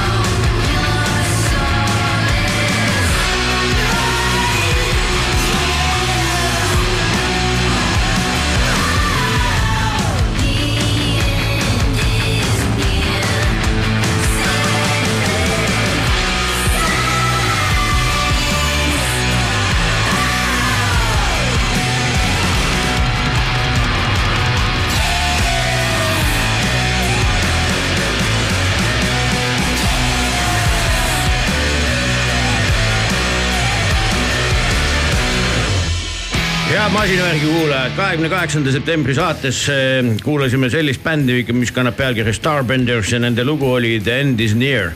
ja meil on külla tulnud eh, väga armastatud eh, drifti inimesed eh, eestimaalaste poolt, kes hakkavad rääkima vist, kui ma nüüd õigesti tean, just lõppenud hooajast. et tere tulemast, Karolin ja Kevin. tere, tere. tere. et rääkige, kas siis ikkagi, rääkige kohe ikka nagu südamelt ära, kuidas siis läks. tegelikult jah, Kevin, sa ju se sellel aastal võtsid kõikidest äh, drifti Euroopa meistrivõistluste etappidest äh, osa. kokku neid oli kuus, on ju. ja me, me jõuame selleni grand finaalini, mis äh, oli äh, Poolas, aga hakka sealt algusest kerima, et tegelikult sa enne hooaega meil käisid ja maikuus see esimene Iirimaal oli. kuidas üldse hooaeg nii üldises mõistes kulges? kuule, üleüldiselt ma usun, et saame, saame kindlasti rahule jääda. eesmärgid, mis seadsime, saime endale ilusti täidetud. parim eestlane. parim eestlane muidugi. parim Baltimaade sõitja ka või? ja, ja, ja ka parim uustulnuk sellel aastal, kes sinna sarja tuli. ma, noh, Tanel, sul ei tulnud nüüd küsimusi rohkem, muidugi tuli, aga mis see, mis see niisuguses üleüldises kontekstis tähendab, et, et klassi võit või seal on niimoodi, et seal on äh, üksainus klass, kus on koos äh, kõik maailma tipud. 60 sõitjat.. kuuskümmend maailma parimat sõitjat mm. -hmm. panime endale esimeseks hooajaks eesmärgi, et oleme, lõpetame top kümnes, siis oleme endaga rahul esimese hooaja kohta ja maandusime seitsmendana. No kuule, väga äge ju. ja preemiaks oli veel viienda etapi poodium mis kindlasti oli ka üks eesmärkidest, et vähemalt korraga käia seal poodiumil ja maitsta seda magusat šampust ka ja palju siis poodiumil on, ei ole traditsiooniline kolm, vaid on nagu rohkem neid poodiumikohti? ei ikka kolm, kolm ikka. aa okei okay,, nüüd saite siis nii-öelda ühe, üheks kolmest. meil oli kuus etappi ja, ja ühe, ühes nendest olime poodiumil. kuule, mis šampanjat jagatakse muidu? seal on oma see Driftmastersi enda šampanja on eks siukene mõnus kolmeliitrine poiss. ahah, ahah, ja Magnum, Magnum. okei okay,, kuule, aga just täpselt, et nagu Raiko mainis, sa käisid meil hooaja alguses, et siis oli tunda sellist elevust ja natuke ka ärevust, vähemalt mina küll tundsin, ma ei tea, No kuidas ikka.. ja ikka, aga ütleme, kui nüüd hakatagi esimesest etapist peale, et, et mis läks hästi ja kas oli ka mingisuguseid selliseid ootamatusi või, või mida siis raadiokuulajatega jagada? no esimesele kindlasti läksime siukse mõnusa tuhhiga peale, aga, aga toodi kohe maa peale tagasi, et esimesest tandemist top kolmkümmend kahes kukkusime me välja, Juraki. ja, ja siis hakkasime sealt edasi mõtlema ja analüüsima ja iga etapiga aina enam kohanesime nende hindamise, hindamiskriteeriumitega. saime rohkem sina peale nende radade ja autoseadetega ja, ja lõpuks saime kõik nii olema nagu peab kas see üks asi, mis äh, on oluline, sa said igalt etapilt punkte, on ju? ja ikka muidugi. et see on juba tegelikult saavutus äh, omaette, et äh, nulli peale ei jäänud kordagi ja mis ma tahtsin öelda, et kuigi see Driftmasters on jah Euroopa meistrivõistlused, siis äh, nagu Kevin mainis, sõitjaid on ju Jaapanist ja ma ei tea, kust mujalt kõikjalt igalt poolt veel, et see ei ole tegelikult, ma ei tea, Kuveidist ja mis. Ja- ja seal on igalt poolt, et- et ta on, ta on maailma mõistes kõige kõvem driftisari tegelikult. jah, kindlasti, täna kindlasti. Vau, need kõige kõvem ei ole kuskil Aasias või USA-s või midagi sellist? täna juba Aasia poisid tulevad meile sõitma, et saada heade poistega ka okei okay., Iirimaalt hakkas pihta, Poolas lõpeb, mida siin sai öeldud mitu korda, et jaa. sinna me veel jõuame, aga mis vahepeal jäi, kuhu võistlused viisid? teine etapp oli meil Rootsis, Põhja-Rootsis täiesti. seal saime enda esimesed tandemivõidud, lõpetasime top kaheksas. seal top kaheksas oli meil ka väikene avarii eessõitjaga, mille tõttu siis meil tuli rehv maha ja reegel ütleb, et teist sõitu sõitma niimoodi minna ei saa, kui rehv maas on ja kahe sõidu vahel vahetada enam ei tohi. nii et siis Rootsis sai meie sõit selleks korraks läbi ja sealt edasi, sealt edasi, mis meil oli, oli meil Soome. Soome täitsa uus rada kõigi jaoks ja Soomes äh, sõitsime ka esimest korda seal Driftmastersil endal hea kvalifikatsioonisõidu, üle üheksakümne punkti, mis on ikkagi selle taseme mõistes juba. Kas 100 on maksimum? sada on maksimum kas jah. viimane Poola round oli see, kus Kalle tegi üheksakümmend üheksa? Kalle tegi üheksakümmend üheksa. kas keegi on sada kunagi osalenud? ei ole. ühesõnaga, Kalle Rovanpera osaleb Driftmastersi võistlustel nii palju, kui ta äh, saab WRC kalendri kõrvalt. Aga ütleme, et driftimisega tal veel läheb õppimisega aega, kuigi jah, see üheksakümne üheksane raund. ma ei ütleks no, seda, pigem on ta natuke sihuke ebaõnne sõdur olnud oma tehnilise poole pealt, onju.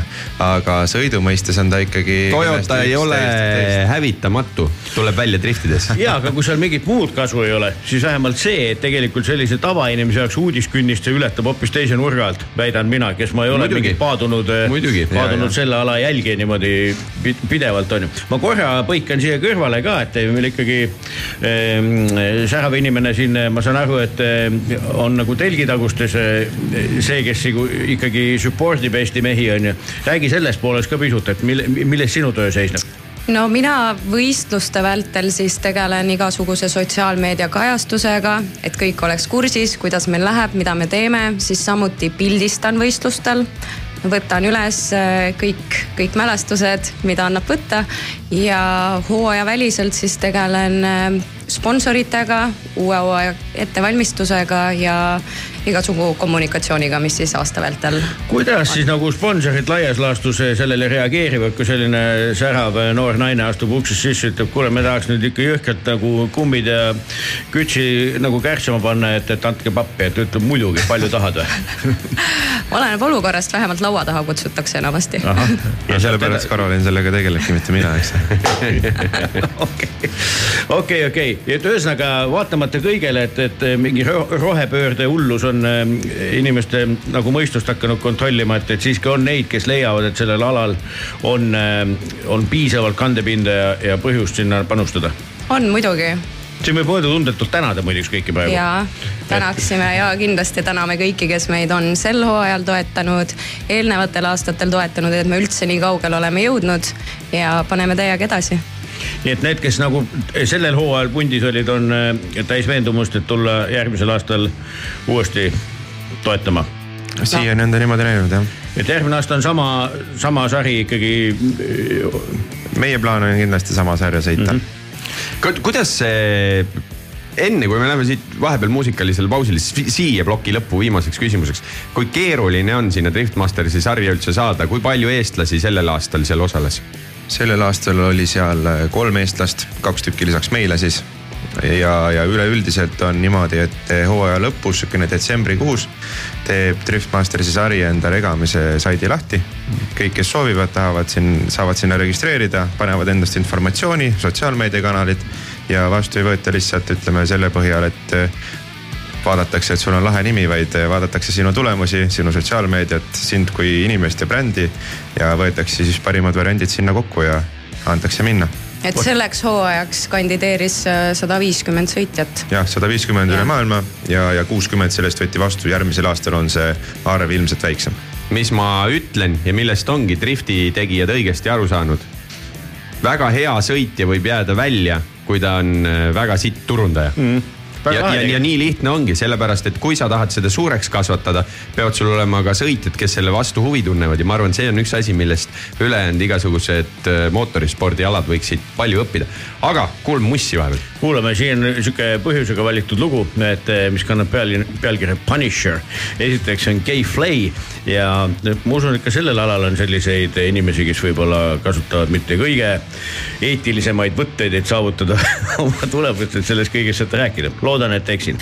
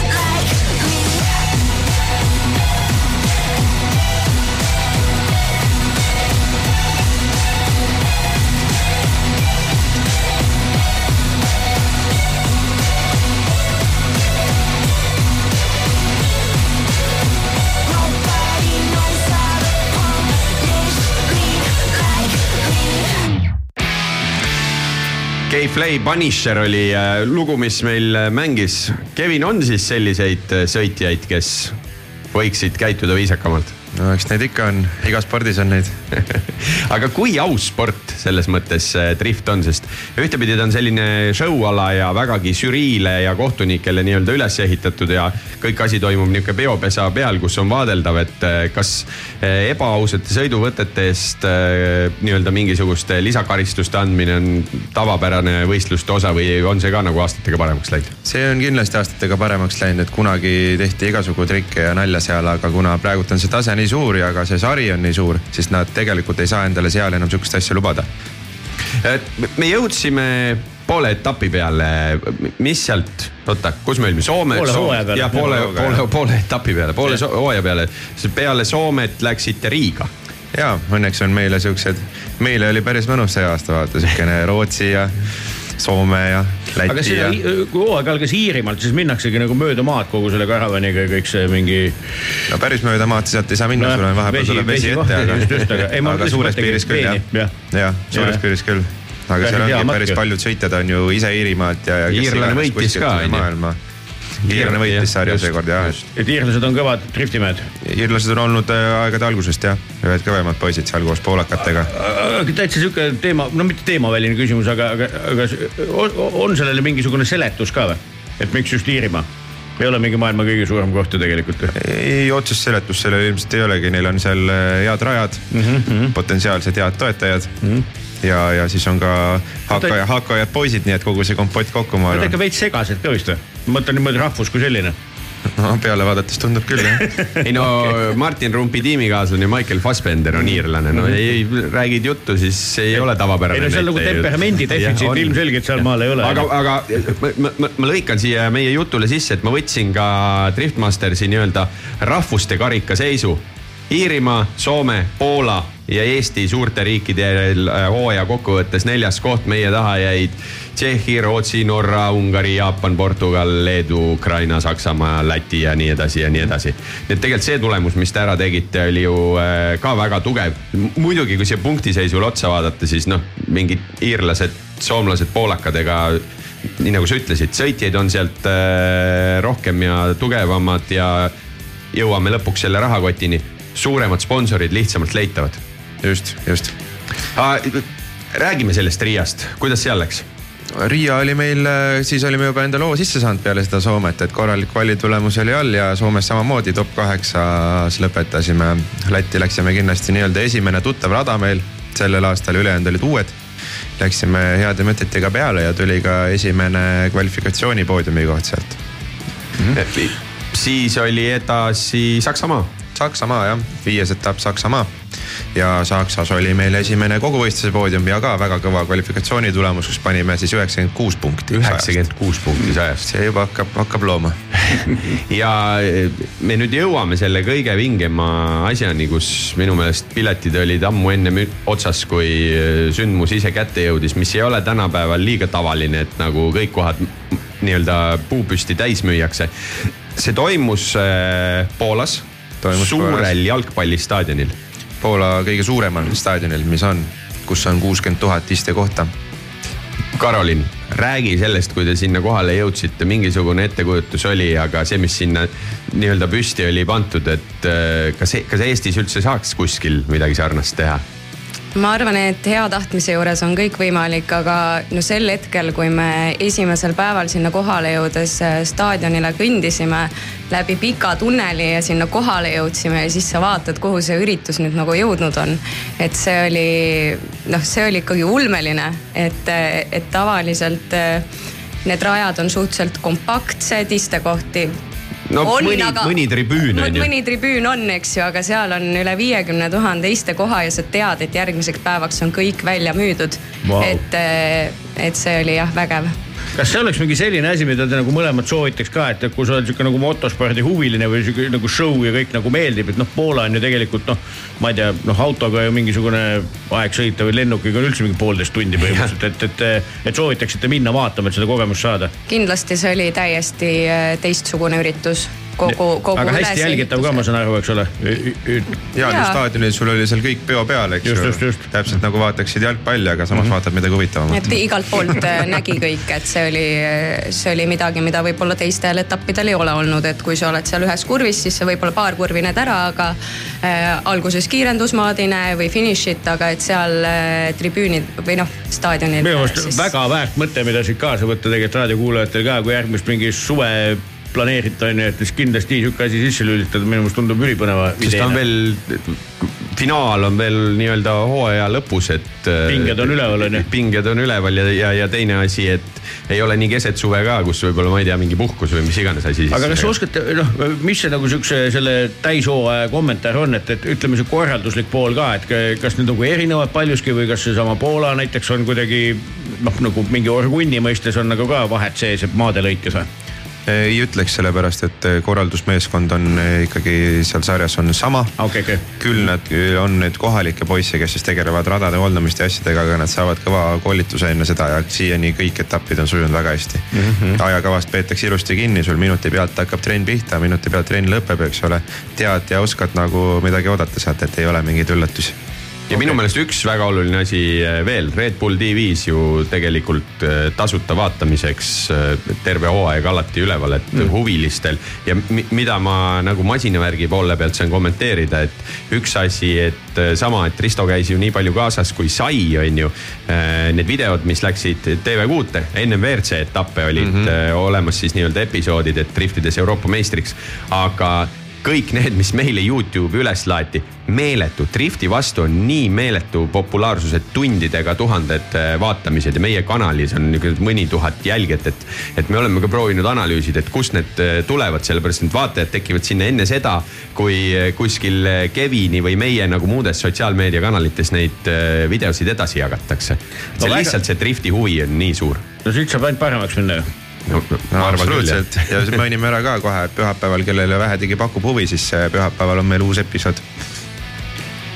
nii, kõrval, kõrvalt käis mingisugune pantomiim hakkas pihta, et midagi olulist mis sa pantomiimi teed siin? ja ma tahtsin öelda, et äh, sel pühapäeval on meil seitseteist kolmkümmend, et kui varasemalt oleme olnud eetris ennem WRC ralli punktikatset, siis sel korral oleme natukene hiljem.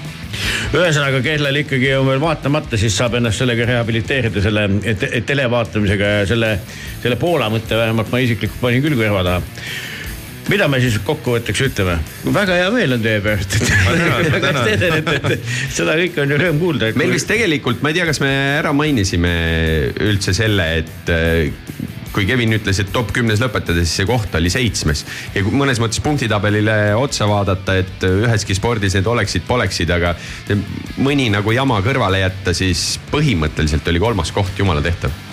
no ikka oli tehtav, aga mulle need oleksid ja poleksid väga ei meeldi, et see on, mis on ja tuleb võtta endale, võtta endale, panna kõrva taha kõik see teadmine, mis said ja panna järgmine aasta uue hooga.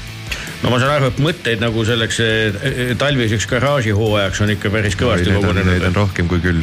ja, jah, et eh, kuidas need Iiri kutid siis need autod nagu liikuma on saanud või? seda ka, seda ka aasta lõpuks võiks öelda, et isegi saime autod, autod peaaegu samaks, aga mm -hmm. Poolas meil kahjuks lõpetasime kohe top kolmkümmend kahes, läksime selle Poola meistriga kokku, eelmise kahe aasta meister Euroopa selles ka, Piotr Vjotšek. ja lõpetasime oma sõidu üsna varakult käiguhästi rikke tõttu, et tuleb natuke hakata ka tehnilise poole peale mõtlema nüüd, et kuidas veel paremaks arendada, et see oli meil esimene tehniline katkestamine paari aasta jooksul. meie igal juhul masinavärgi tiimiga soovime teile küll jõudu ja jaksu nii mõtlemisel kui ka sõitmisel ja kindlasti jälgime teie tegemisi suure huviga. et eh, siia lõppu oleme valinud siukse loo, mis kannab pealkirja Long Lost Ghost. meie jugu, meie jutuajamine ei viinud kuidagi nendele radadele, aga alati ei peagi. bänd on Blood Red Shoes, väga uus lugu, oleme seda bändi ennegi mänginud ja siis siia drifti lõppu ei õnnestunud drifti teemast lugu kuskilt hankida, aga võib-olla järgmine kord. suur tänu tulemast ja edu teile. aitäh. aitäh. I said it once,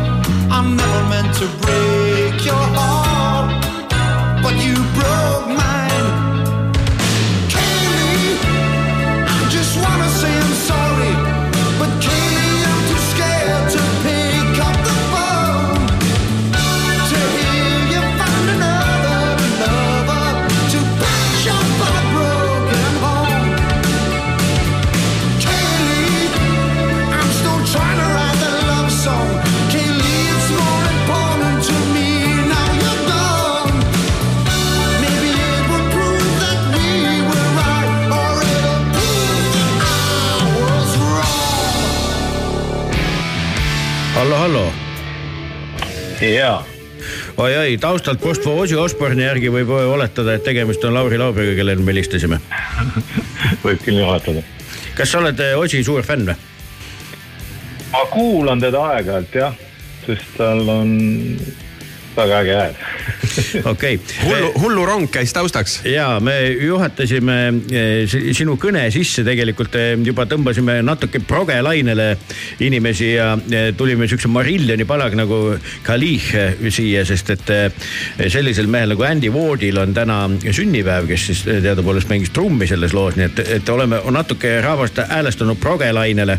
et ja teemaks, miks me sulle ju kõne võtsime, on eh, peale selle, et küsida, kuidas sul hästi läheb, ikkagi selline album, mida sa, ma saan aru, et tegid päris jupp aega, mis kannab pealkirja Unorthodoxian.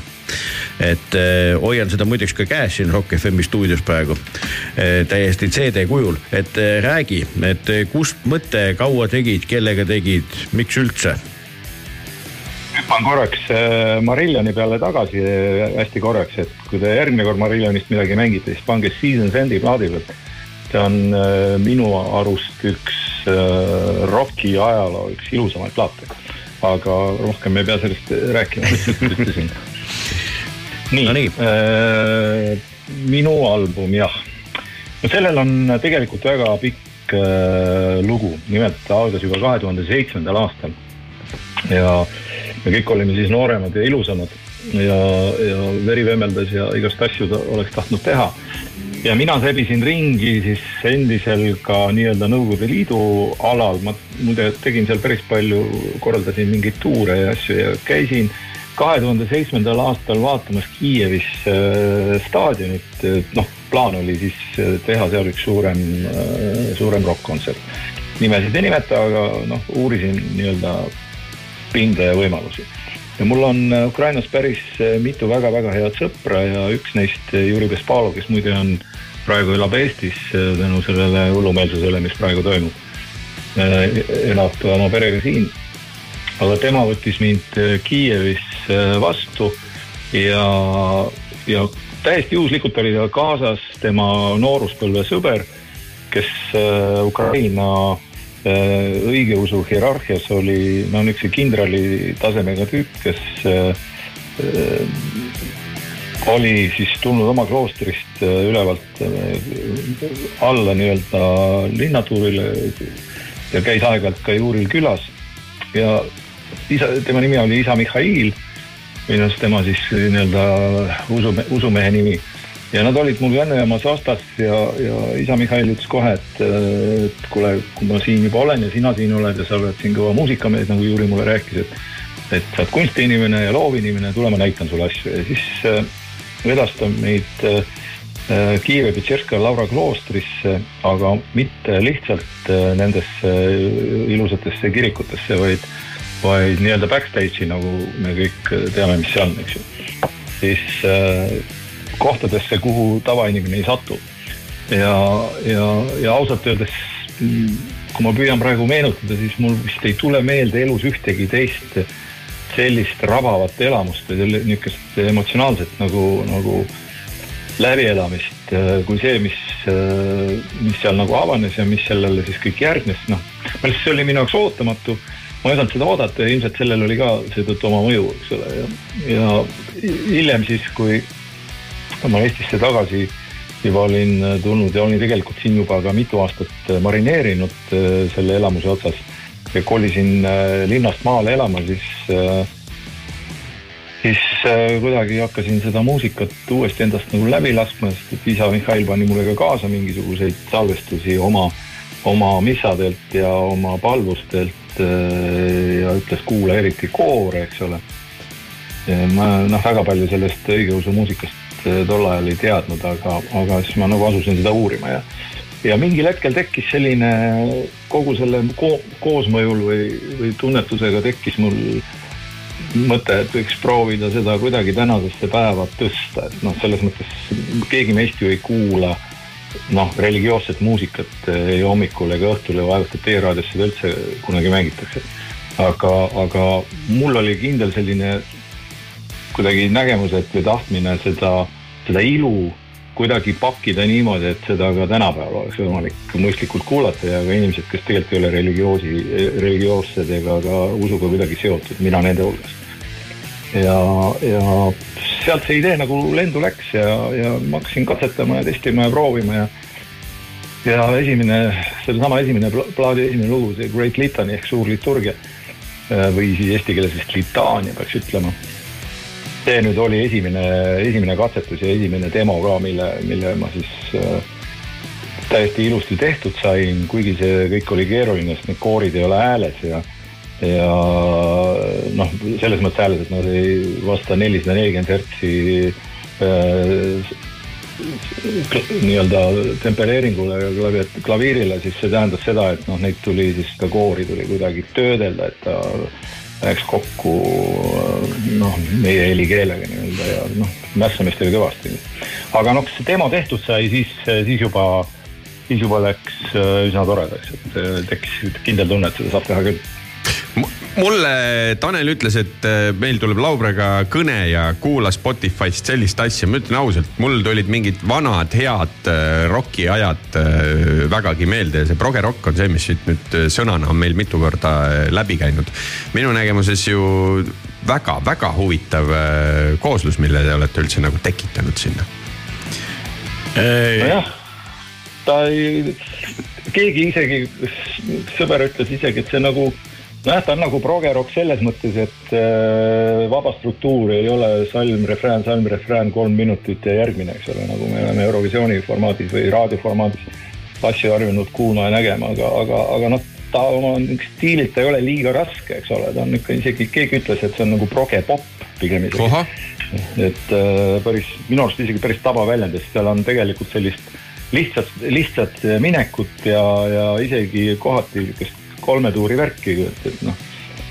kuigi noh, ta on arranžeeritud keeruliseks, aga, aga või keerulisemaks, aga, aga ta tegelikult ju kõlab üsna niisuguse positiivse ja kohati niisugune pop-rockina isegi natuke. Tuleb tunnistada, aga a- jaa, mina, ma olen väga nõus selle, selle progepopi terminiga, kuhu on siis pandud sellist äh, väga sügavat sõnumit, millest ilmselt äh, väga vähesed äh, ju sõna-sõnalt mõistavad. aga räägi oma kaasteelistest ka siia meie lühikese in- intervjuu lõppu, et, et kes, kellega koos sa selle albumi lõpuks nii-öelda kaante vahele said? No äh, alguses kõige suurem probleem oli, oli kitarristiga, ma nii mõnegi Eesti äh, tüübiga rääkisin, aga Eesti kitarristid on ju kõik väga hõivatud, noh kuna kõigil on ka omad projektid ja seal ei saanud midagi nagu ette heita ka, eks ole, seda enam, et see, see, mida ma teha tahtsin, jäi, jäi mõnele ikka päris kaugeks, no mul ei olnud ka väga midagi kohe ette näidata, sest et äh, noh, see üks demo nagu ei, ei, ei, ei näidanud veel midagi ja, ja paljud, paaril vennal ei olnud isegi noh, mahti seda nagu kuulata. Ja siis ma lihtsalt tänu sellesama Juurile, kes Ukrainas mul äh, hea sõber, tema leidis või soovitas, et kuule, võta, mul on siin üks väga kõva kidramees äh, Keena, ta küll töötab mööblidislerina, aga, aga näpp on kibe ja ta on äh, kihvt vend, eks ole, ja siis ta viis mind Keenaga kokku, kes elab muide Nikolajevis ja, ja tegelikult osa kidapartiisid ka sellel albumil on sõna otseses mõttes raketirünnakute all salvestatud. siis äh, noh, Keena läks äh, kohe käima muidugi ja Keena on kunagi Krapsiga lava jaganud ja ta oli siin äh, Tallinnas Krapsi äh, mälestuskontserdil mingil aastal ja siis, kui ta siia sattus seda seal esinema, siis ta tuli ka minu juurde, elas nädal aega minu juures ja siis me tegime esimesed demod ja sellest läks nagu, oli kõik selge, et Keena, Keena on, on see mees, kes äh, kidrasid võiks äh, teha, eks ju. ja siis ma rääkisin Rauliga, keda tunnen ka ju ammu, Raul Vaigla. Raul tuli kohe äh, kaasa. Andrus äh, Lillepea siis, kes trummidel, no Andrus ütles niimoodi, et et äh, kui on sõna proge on sees juba, siis ta on kohe nõus niikuinii, et äh, ei ole siin nagu pikalt midagi arutada. ja, ja nii see kamp kokku sai jah. No igal juhul tulemus on, on märkimisväärne ja et, et ja Spotify's on see kenasti kuulatav ja ka CD kujul ma saan aru, et vinüüli eh, tulekuni on veel natukene aega, aga, aga saab ikkagi krabiseva sügava sound'iga ka seda mussi kuulata mingil hetkel. ja vinüül on tehases praegu ja vinüül näeb ka väga efektne välja selles mõttes, et me oleme seal natukene ka panustanud rohkem, kui tavalise vinüüli puhul võib-olla tehakse. teine küsimus on see, et nad, nad, nüüd me oleme neid testkuulamisi ka teinud ja tegelikult noh, ma, kellele see asi meeldib, soovitan võtta mõlemad, nii CD kui vinüüli, sest äh, see kuulamiskogemus on natuke erinev, et äh, noh, ükskõik, me räägime sagedustest, aga me me räägime ka natukene sellest kõlapildist üldse, et äh, no lihtsalt kõlavad natuke erinevalt. No nii, Lauri, kuule, me väga täname sind. paneme nüüd selle CD-masinasse. paneme CD-masinasse jah, ja, ja on välja valitud sihuke lugu nagu Time of Hope, et, et kas Time of Hope'il on mingi sihuke eh, paari sõnaga kirjeldatav taust ka, et enne kui me seda lugu siin üheskoos kuulama hakkame? Äh, kaks lugu, mis on natukene, üks on natuke rohkem, teine natuke vähem äh, kuidagi sõltub või saanud oma mõjutuse Ukraina sellest sõjast ja Time of Hope on üks selline, mille ma palusin pealkirja panna ukrainlastel ja nemad tulid selle pealkirjaga välja. selles loos küll ei ole sõda mitte mingit moodi, aga, aga, aga üks teine lugu, mis sellel plaadil on kõige viimane lugu, Hero, see on nüüd küll puhtalt sellel ajal kirjutatud.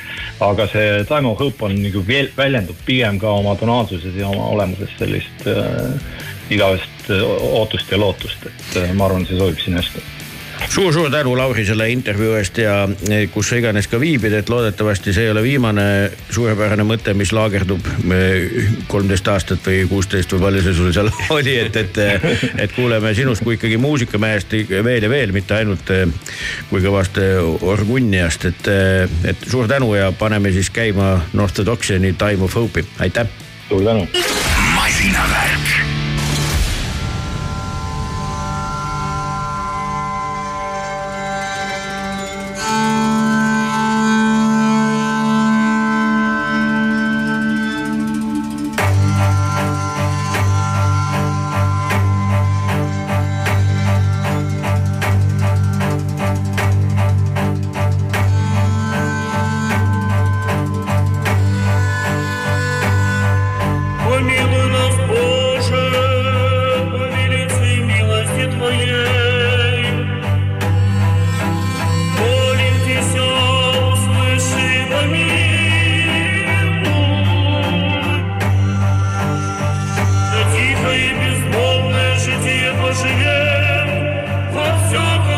чести и чистоте.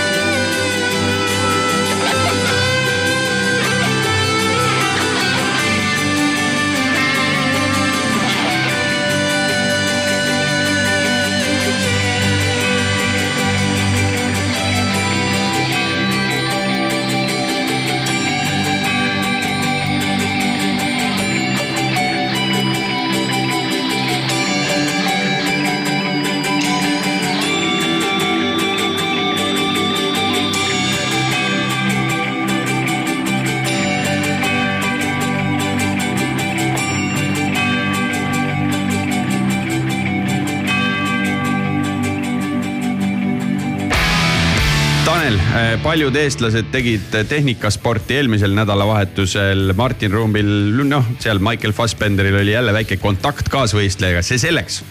aga Ruuben Volt tegi äh, väga hea sõidu oma Hondaga Euro DCR sarjas ja võttis sõiduvõidu nii et eestlased oskavad ja lammutavad ja sellel eeloleval nädalavahetusel ju tasub jälle vaadata WRC-d ja loota, et see Ford peab vastu ja Tšiilist tuleb no vähemalt poodiumotile. muidugi, nii see kõik ka läheb. Kas meil on eelolevalt midagi veel oodata eh, seoses meil on oodata seoses motospordiga seda, et eh, elu esimese koolituse seminari teebki Martin Rump masinavärgi garaažis, võtke masinavärgi eh, Facebookist see event lahti, sinna juba on registreerunuid ja mõned kohad on veel saadaval. ta räägib mentaalsest võidusõidu poolest, möödasõidust ja analüüsime siis videotena ka tema nii-öelda sõiduhetki sisekaamerast tema Porsche Oo, väga huvitav. üheteistkümnest. väga-väga põnev. millal see aset leiab? pühapäeval. ahah, väga lahe. pühapäeval, võtke masinavärgi Facebook, leiate sealt selle sündmuse ja ongi mõnus nii ja saate lõppu oleme valinud sellise ikoonilise loo, muideks, kus arvatakse, et on tulnud selline termin nagu heavy metal. sest et loos kõlab selline ri ri rida nagu heavy metal thunder. Ja tegemist on loomulikult sihukese looga nagu Born to be wild. Ja põhjusega, sest siin mängis eh, üks selline tegelane, kes nimetas ennast Nick St Nicholaseks, kuigi tegelikult sünnipärane nimi oli Klaus-Karl Kasbaum, kellel on täna eh, sünnipäev, neljakümne kolmanda aasta poiss on ju. Ja kes mängis siis selles ikkagi ikoonilises Born to be Wild'is bassi, väga kirju e- e- eluga eh, tegelane Saksamaal alustas ja siis jõudiski sellises maailma nimega bändis nagu Steppenwolf, kes siis selle Born to be Wild'i autoriks on, seal ka kaasa lüüa, et sellise ajaloo killuga me siis lõpetame kahekümne kaheksanda septembri masinavärgi. olge tublid. tšau.